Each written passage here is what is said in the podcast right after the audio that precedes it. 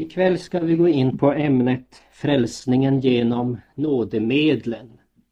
Alltså hur frälsningen förmedlas till oss genom nådens medel. Först ska vi betona att nådemedlen är nödvändiga. Jesu liv och död det är historiska fakta omvittnade av både judar och hedningar.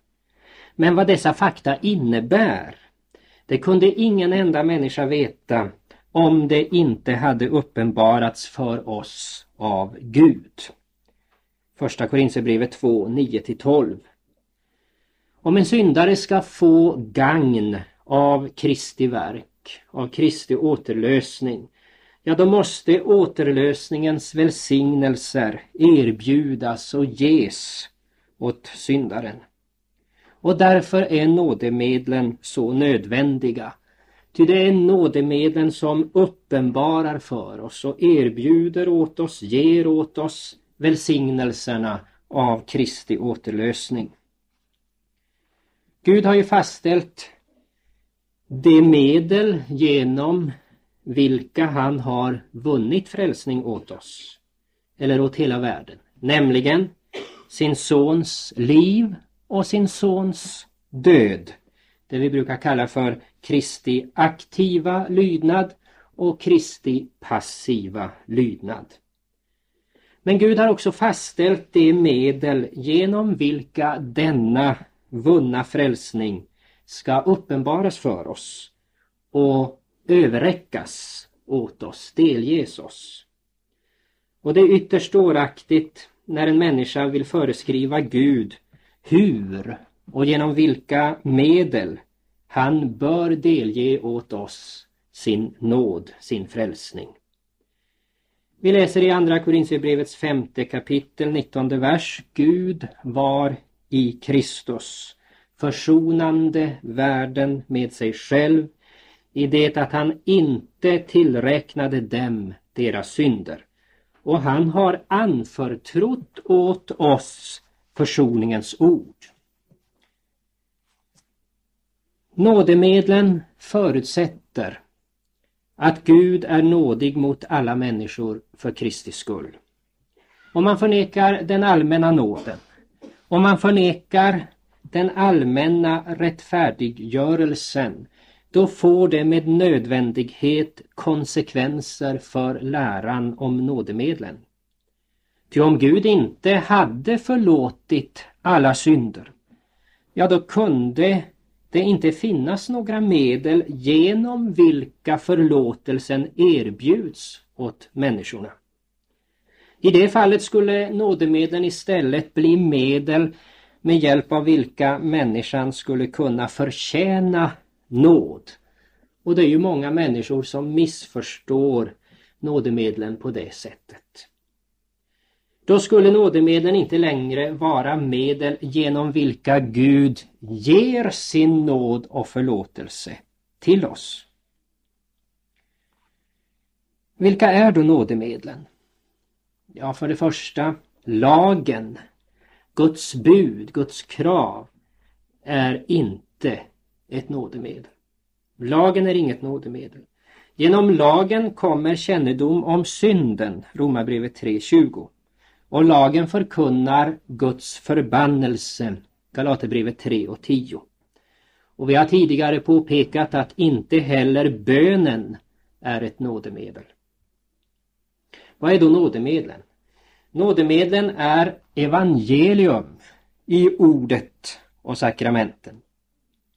Sakramenten är nådemedel endast därför att evangeliets löfte är förbundet med dem.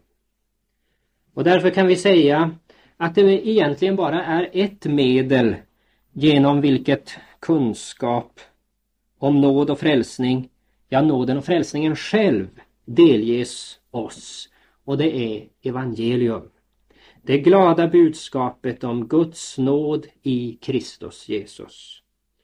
Av det skälet kallas ju evangelium för Guds nåds evangelium, Apostlagärningarna 2024, eller fridens evangelium, Romarbrevet 10.15, eller försoningens ord, Andra Korintierbrevet 5.19.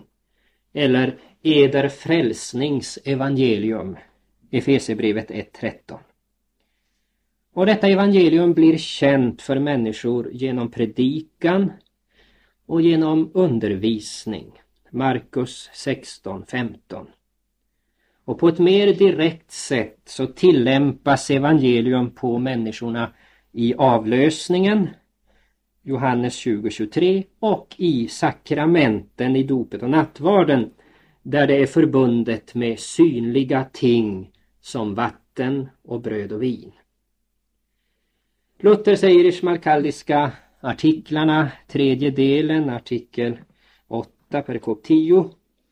Därför bör vi ovillkorligen hålla fast därvid att Gud vill handla med oss människor blott genom sitt yttre ord och sakrament. Men allt som utan detta ord och sakrament prisas såsom ande, det är av djävulen.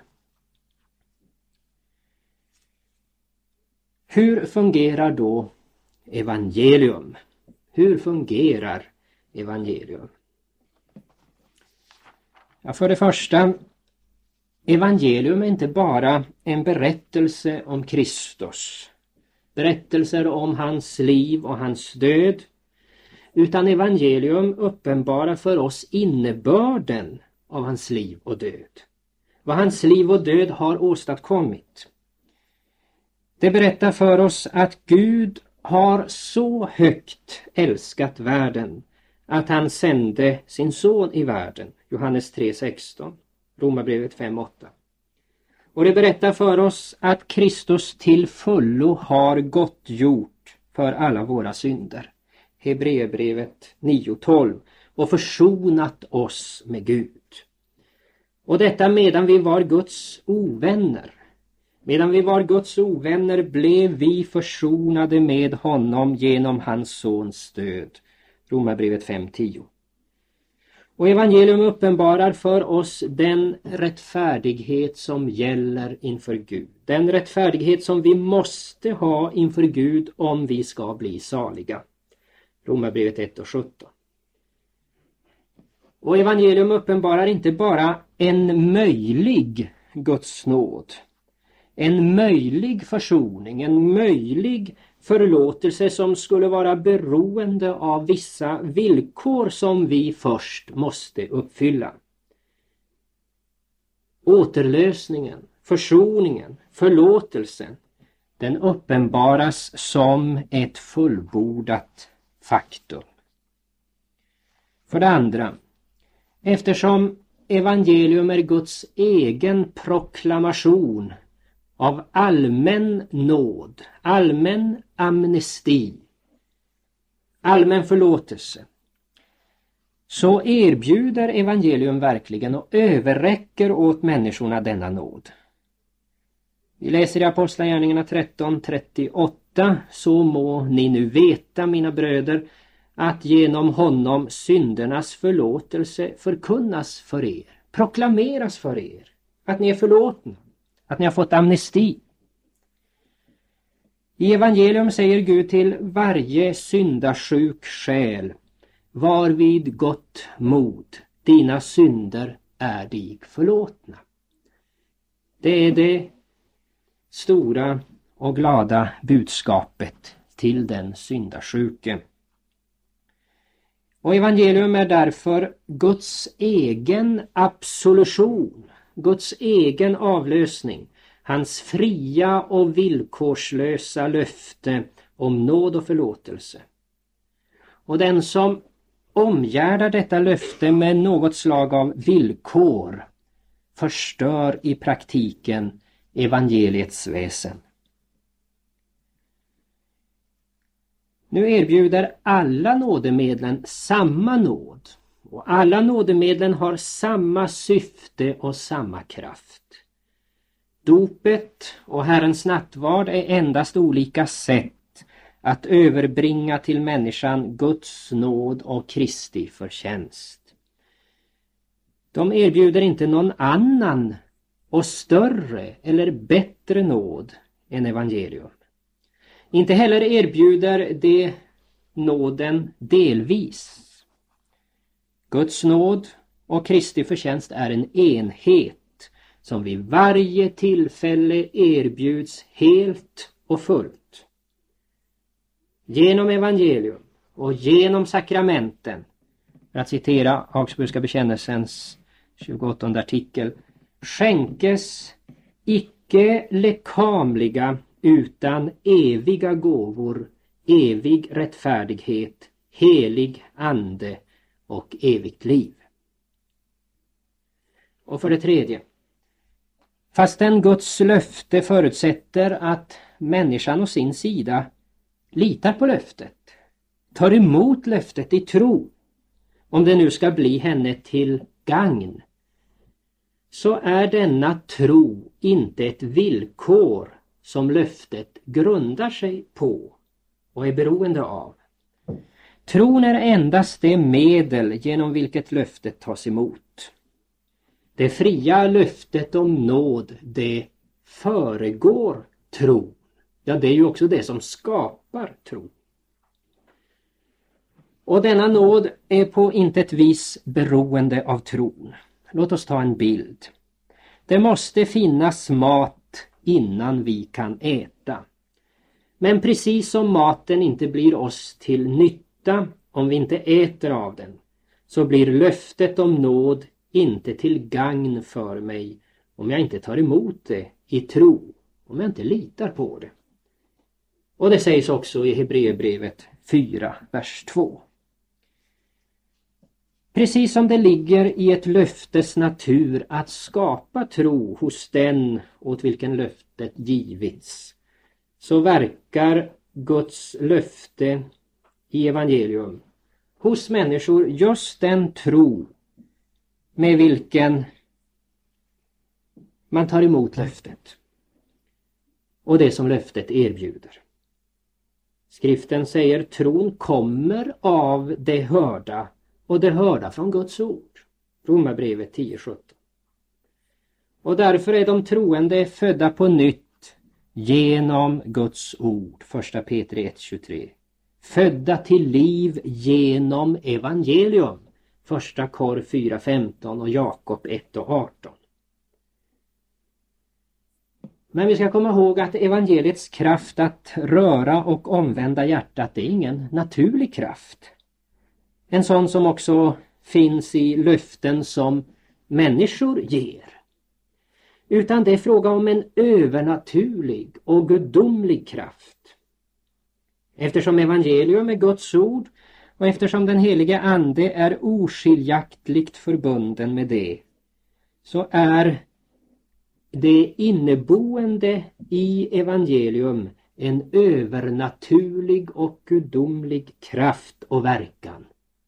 Och det är inte bara i gången tid eller under en viss tid utan i varje tid och oavsett hur man möter Guds ord. Oavsett om man läser det, om man lyssnar till det eller återigen erinrar sig det och tänker på det.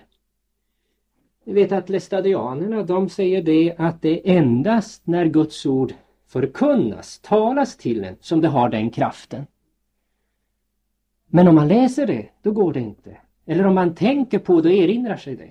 Jag frågade en gång, ja men om man lyssnar på det på kassett, har det då den där verkan? Och då fick jag inget svar.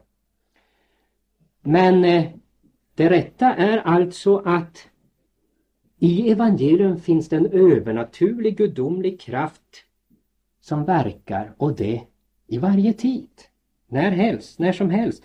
Och det oavsett om man hör det eller om man läser det hemma, om man sitter och lyssnar till det eller om man tänker på det eller återerinrar sig evangelium. Och därför är Guds ord aldrig ett livlöst instrument. Utan det är som Kristus säger, det ord som jag talar till er, det är ande och det är liv. Johannes 6.63 Guds ord är levande och kraftigt och skarpare än något tveeggat svärd. Hebreerbrevet 4.12. Och Paulus säger oss att evangelium är Guds kraft till frälsning för var och en som tror. Romarbrevet 1.16. Sålunda är inte evangelium en död hand. Det är inte ett nådemedel på det sättet att det är liksom en död hand som bara räcker ut mot oss frälsningens välsignelser för att vi ska ta emot den. Utan det är Guds kraft genom vilken den helige Ande verkar på människans hjärta så att det vänder sig till Kristus i tro och tar emot de utlovade gåvorna. Om Gud erbjöd, erbjöd sin nåd och verkade tro i människornas hjärtan oberoende av nådemedlen ja då kunde vi ju helt och hållet undvara evangelium och sakramenten. Så som till exempel kväkarna gör. De behöver inga nådemedel. Och om, som Calvin hävdade, den yttre inbjudan inte för med sig nådens inre verkan, då är det egentligen ingen mening med att läsa Bibeln och lyssna till evangelium. Så kommer vi till nådemedlens giltighet och verkan. Och då ska vi slå fast att nådemedlens giltighet och verkan är inte beroende av prästens person eller av hans status. Deras giltighet har sin grund i att de är Guds nådemedel, instiftade av Gud. Deras verkan grundar sig på vad de är, grundar sig på dem själva. Vi läser ju i evangeliet i Matteus evangelium 23 kapitel, vers 2 och 3 om de skriftlärda. Att fastän de gjorde mycket ont så kunde deras onda gärningar inte beröva Guds ord dess kraft och auktoritet. Jesus förmanar människorna att inte göra efter deras onda gärningar. Men det Guds ord som de för fram är alltid Guds kraft även om de som för fram det är onda. Och Paulus säger i Filipperbrevet 1, 16 till 19 om de människor som förkunnade evangelium inte med ett rent sinne och inte i uppriktighet att likväl blev Kristus förkunnad. Sanningen, auktoriteten och verkan i Guds ord den påverkas lika lite av prästens personliga karaktär som den typ av papper som Bibeln är tryckt på gör det. Prästen är bara en förvaltare, en ambassadör, ett Guds sändebud och det är budskapet som är avgörande, inte budbäraren. Avgörande är inte prästens personliga egenskaper utan avgörande är om han bär fram Guds ord rent och klart eller inte. I bekännelseskrifterna står det, Augsburgska bekännelsens åttonde artikel, både sakramenten och ordet är i kraft av Kristi instiftelse och befallning verksamma, även om det meddelas genom ogudaktiga. Och inte heller är nådemedlens giltighet och verkan beroende av tjänarens officiella status. Till exempel att han är rätteligen kallad eller har apostolisk succession. Det är visserligen sant att enligt Guds ord så ska ingen å församlingens vägnar offentligt lära, undervisa eller förvalta sakramenten om han inte är rätteligen kallad. Men kraften och sanningen i förkunnelsen är inte avgörande av en viss vigning eller av en viss status utan är helt beroende av budskapet självt. Vet att i romersk teologi och högkyrklig teologi så är det helt avgörande för nådemedlens verkan vilken karaktär Eh, förvaltaren har. Han måste ha en viss status, en viss succession eller en viss karaktär för att nådemedlet ska kunna verka. För att det ska kunna bli en riktig nattvard eller en riktig avlösning eller en riktig konfirmation. Men det är människoläror i strid med Guds ord. Kraften ligger i Guds ord, i det rena och klara budskapet.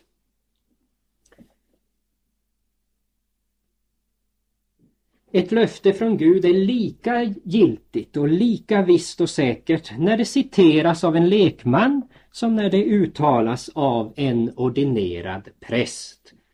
Prästens officiella status den ger inte åt ordet eller sakramenten dess giltighet och kraft.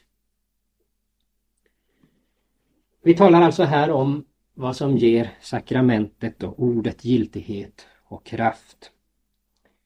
Ordet och sakramenten är giltiga därför att Gud själv har givit befallning om dem och när de förvaltas i hans namn, det vill säga på det sätt som han själv har menat, så är de giltiga och verksamma.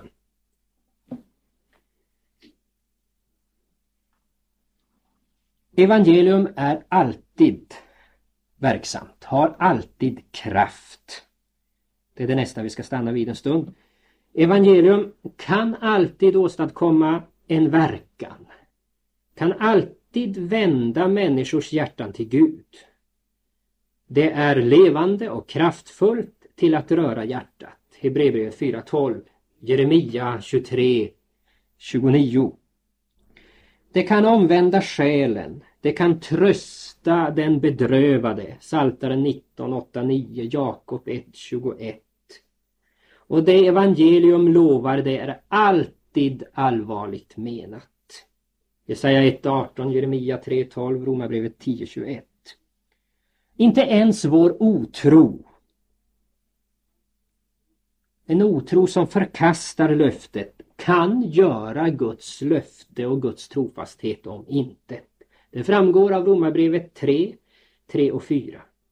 Ty vad betyder det om några av dem blev trolösa? Kan då deras trolöshet göra Guds trofasthet om intet? Bort det! Må Gud stå såsom sannfärdig om också varje människa är en lögnare. Men, säger vi vidare, evangelium får inte alltid den avsedda verkan. Evangelium får inte alltid den avsedda verkan. Evangelium verkar inte alltid tro. Alla som hör evangelium blir inte troende. Guds kraft som verkar genom evangelium kan stås emot av människorna. Ni hårdnackade med oomskurna hjärtan och öron. Ni står alltid emot den helige Ande, ni lika väl som edra fäder. Apostlagärningarna 7.51. Felet ligger då inte hos Gud. Och inte heller i evangeliet, att evangeliet saknar kraft. Utan felet ligger i människans perversa vilja som domineras av andra överväganden och inflytelser och inte vill ge efter för den helige Andes överbevisande inflytande. Vi kan ta en bild. Den säd som vi petar ned i jorden, den har en inneboende kraft att gro och växa och bära frukt. Men ogynnsamma omständigheter, kanske dåligt väder, kan hindra det från att göra så. Och på samma sätt har evangeliets säd makt att påverka hjärtat och verka tro. Men sådana ting som kärlek till synden eller självrättfärdighet eller något annat hindrar det ofta från att slå rot. Och då kommer vi in på lag och evangelium. Vi har sagt att det är endast evangelium som ger nåd, överräcker nåd, är ett nådemedel. Men vad menar vi då med lag och evangelium? Ja, båda termerna brukas ju i Bibeln i en vidare och i en trängre mening. I den vidare meningen betecknar båda termerna hela Guds uppenbarelse. Vi kan till exempel läsa Herrens lag är utan brist och vederkvicker själen. Det betyder alltså inte Herrens bud är utan brist men däremot Herrens löftesord det kanske är bristfullt. Utan där betyder Herrens lag, Herrens undervisning, Herrens lära, allt Guds ord. Och på andra ställen kan också ordet evangelium brukas i denna vida mening som en beteckning för allt Guds ord. Men i den trängre och egentliga meningen betecknar lagen Guds bud och evangelium eller löftet betecknar det glada budskapet om Guds nåd. Och lag och evangelium har för det första följande gemensamt. Det ska vi först komma ihåg innan vi går in på skillnaden mellan lag och evangelium. Båda är Guds ord. Båda gäller alla människor och båda måste läras sida vid sida i församlingen till tidens slut. Ska vi ta det en gång till, dessa tre. Båda är Guds ord. Båda gäller alla människor och båda måste läras sida vid sida i församlingen till tidens slut. Men likväl så är lag och evangelium fundamentalt olika och måste noga skiljas åt. Det gäller att, som det står i andra Timoteus 2.15, att rätt dela sanningens ord. I kyrkobibeln 1917 står det rätt förvalta sanningens ord men bättre översatt står det rätt dela sanningens ord. Och då kommer vi in på hur det ska delas och vad som är skillnaden mellan lag och evangelium. Och då kan vi ta det i punkter. För det första, lagen som ursprungligen skrevs i människans hjärta är alltjämt delvis känd av den naturliga människan. Romarbrevet 2, 14, 15. Och då förstår vi med en gång en skillnad här. För så är det ju inte med evangelium. Evangelium är helt okänt för den naturliga människan. Det finns inte ens en gnutta, ett litet spår av evangelium i hedna folkens religioner. Endast från Guds särskilda uppenbarelse, från Bibeln, lär vi känna evangelium. Första Korinthierbrevet 2, 6-12. Punkt 2. I lagen talar Gud för, om för oss vad vi måste göra eller inte får göra. Lagen innehåller stadgar. Det är frågan om en budens stadgelag. Du skall, du skall inte. Och lagen kräver fullkomlig lydnad. Galaterbrevet 3.10. Matteus 5.48. Ni ska vara fullkomliga. Men evangelium är annorlunda. Evangelium uppenbarar vad Gud har gjort och alltjämt gör för vår frälsning. Det innehåller inga bud utan endast löften om nåd och förlåtelse. Men då kanske någon tänker sig, ja men finns det ändå inte bud eller befallningar i evangelium, till exempel tro evangelium. Omvänd dig och tro evangelium. Låt mig då snabbt tillägga att evangeliets bud eller befallning att vi ska tro, första Johannes 3.23, ja det är inte ett lagiskt bud utan det är en nådig och kraftfullt framförd inbjudan att vi fritt ska ta emot de frambräckta välsignelserna. Det är som om jag skulle gratis bjuda hem er på en stor fest. Jag kan bli så ivrig att få er att komma att jag befaller och säger nu kommer du till mig ikväll. Då är det inte en lagens befallning utan det är en nådig inbjudan som framföres med en sådan iver och kraft. Tro evangelium, detta är ditt, ta emot det, du får det. Kom till mig, ni alla som arbetar är betungade. Punkt 3. Lagen lovar också evigt liv, precis som evangelium. Men lagen lovar evigt liv på villkor. På villkor att vi uppvisar en fullkomlig lydnad. Lagen säger, gör så, så får du leva. Lukas 10.28. Den människa som gör efter dem ska leva genom dem. Tredje Mosebok 18.5, Galaterbrevet 3.12. Lagen, lagens löfte måste förtjänas genom att man håller alla buden. Men evangeliets löfte, det är fritt, villkorslöst, helt gratis, inget som helst villkor. Alla har ju syndat och saknar härligheten från Gud och, heter det, det förklaras rättfärdiga gratis av hans nåd. Romarbrevet 3, 23, 24. Jag, jag är den som utplånar dina överträdelser för min egen skull. Och dina synder kommer jag icke mer ihåg. Jesaja 43.25. Tron är inte ett villkor för löftet på det sättet att vi därigenom förtjänar eller blir värdiga den utlovade nåden. Utan bara i den meningen att vi därigenom tar emot det som löftet erbjuder. Och punkt 4. Lagen överbevisar människan om hennes syndfullhet, syndighet. Genom lagen kommer kännedom om synden, Romarbrevet 3.20. Och överträdelsen av lagen den framkallar Guds vrede. Och följaktligen uttalar lagen Guds förbannelse över överträdarna. Förbannad vare den som icke håller denna lags ord och icke gör efter dem. Femte Mosebok 27-26. Sålunda visar lagen oss att vi är ogudaktiga och lagen fördömer oss. Men evangelium kommer med ljus och tröst och glädje till denna förlorade syndare som är fördömd av lagen. Evangelium uppenbarar för ogudaktiga syndare Guds barmhärtighet, kärlek och nåd.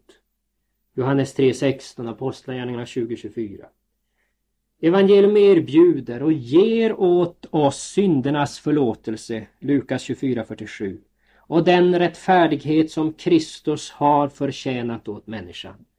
Och följaktligen förklarar evangelium den ogudaktige rättfärdig. Romarbrevet 4.5, 5 Korinthierbrevet 5.19. Andra Korinthierbrevet 5.19. I lagen säger Gud till syndaren Du måste dö. Du måste dö till följd av dina synder och bli evigt fördömd. Men evangelium säger, eller i evangelium säger Gud till syndaren Du är återlös, dina synder är dig förlåtna. Du ska leva och bli salig. Punkt 5. Eftersom lagen uppenbarar Guds vrede över all människans ogudaktighet och orättfärdighet, Romarbrevet 1.18, så verkar lagen fruktan för straff, sorg, ånger, förtvivlan, ja hat emot Gud i människans hjärta. Lagen kräver kärlek. Du ska älska Gud av allt ditt hjärta och det nästa som dig själv. Men lagen kan inte inspirera till kärlek. Den dödar, utsläcker kärlek. Ty då synden fick tillfälle förledde den mig genom budordet och dödade mig genom det. Romarbrevet 7.11. Lagen kan inte göra oss till kristna. Galaterbrevet 3.2. Men evangelium, det tröstar den bedrövade. Den över sina synder förskräckte och bedrövade. Jesaja 40, 1 och 2. Evangelium verkar tro och förtröstan på Gud, Romarbrevet 10.17. Evangelium verkar kärlek till Gud och nästan, 1 Johannes 4, 19, 21. Verkar glädje och hopp. 1 Petri 1, 3 och 6. Och det föder oss på nytt. 1 Petri 1, 23. I det det skapar i oss ett nytt andligt liv och en villig lydnad. Johannes 6, 63, Psaltaren 119, 32. Nu ska vi se här, nu har jag tydligen gått emot klockan så den har stannat lite. Jag får be att Paul ger något tecken när det är ungefär slut. Hinner lite till kanske. Hur ska då lag och evangelium brukas? Ja, fast en lag och evangelium är helt olika vad beträffar innehåll, syfte och verkan så måste både lag och evangelium brukas. Och det kan vi också summera i några punkter. Punkt 1. Genom lagen förs människan till kännedom om sina synder, till ånger, sorg och förtvivlan. Lagen visar att synderna är verkligen överträdelser, överträdelser mot Gud. Och den slår därför sönder all självrättfärdighet. Vi har ingen rättfärdighet. Den slår sönder förtröstan på egna förtjänster och får oss att inse vår hjälplöshet och hopplösa tillstånd. Och därför måste lagen predikas för alla människor, men i synnerhet för dem som är obotfärdiga syndare. Evangelium då, punkt 2. Ja, det kommer med ett budskap om nåd. Det erbjuder syndernas förlåtelse, verkar i hjärtat ett mottagande av vad det erbjuder och omvänder sålunda människan. Evangelium måste predikas för syndare som är bekymrade över sina synder. Punkt 3. Men lagen måste också brukas efter omvändelsen. Genom tron är vi fullkomligt rättfärdiga inför Gud. Lagen angår oss inte alls när det gäller vår rättfärdighet inför Gud, vår rättfärdiggörelse, vår frälsning. Men när det gäller det kristna livet så behöver också den pånyttfödde lagen som en tygel, en spegel och en regel. Som en tygel, och då kan vi citera bekännelseskrifterna, Ty lik en otämjd och gensträvig åsna är den gamle Adam ännu en del av dem. Och denna del måste tvingas till Kristi lydnad, icke blott med lagens undervisning, förmaning, pådrivande och hotelse, utan stundom även med straffens och plågornas knölpåk. Vidare, som en spegel. Och då citerar jag också bekännelseskrifterna. Så ofta de troende sålunda stapplar bestraffas de av Guds ande genom lagen. Och för det tredje som en regel. Och då citerar jag bekännelseskrifterna. Denna lagens lära är även därför nödvändig för de troende att de icke må falla tillbaka på någon självtagen helighet och fromhet och under förevändning av andens ingivelse ställa till med självvald gudstjänst utan stöd av Guds ord och befallning. Allt det här är hämtat ur Concordieformens sjätte artikel. Och sålunda är lagen den vägledare som visar de kristna den väg som de ska gå och genom vilka gärningar de ska utöva sin tro. Men den ger ingen kraft därtill. Evangelium är kraften som gör att de kan och vill följa denna vägledare och att de gör dessa goda gärningar. Jag citerar. De kristna gör så långt det till sin invärtes människa är pånyttfödda, icke av lagens tvång, utan på grund av den helige Andes förnyelse, av villigt och otvunget hjärta, vad som är Gud välbehagligt.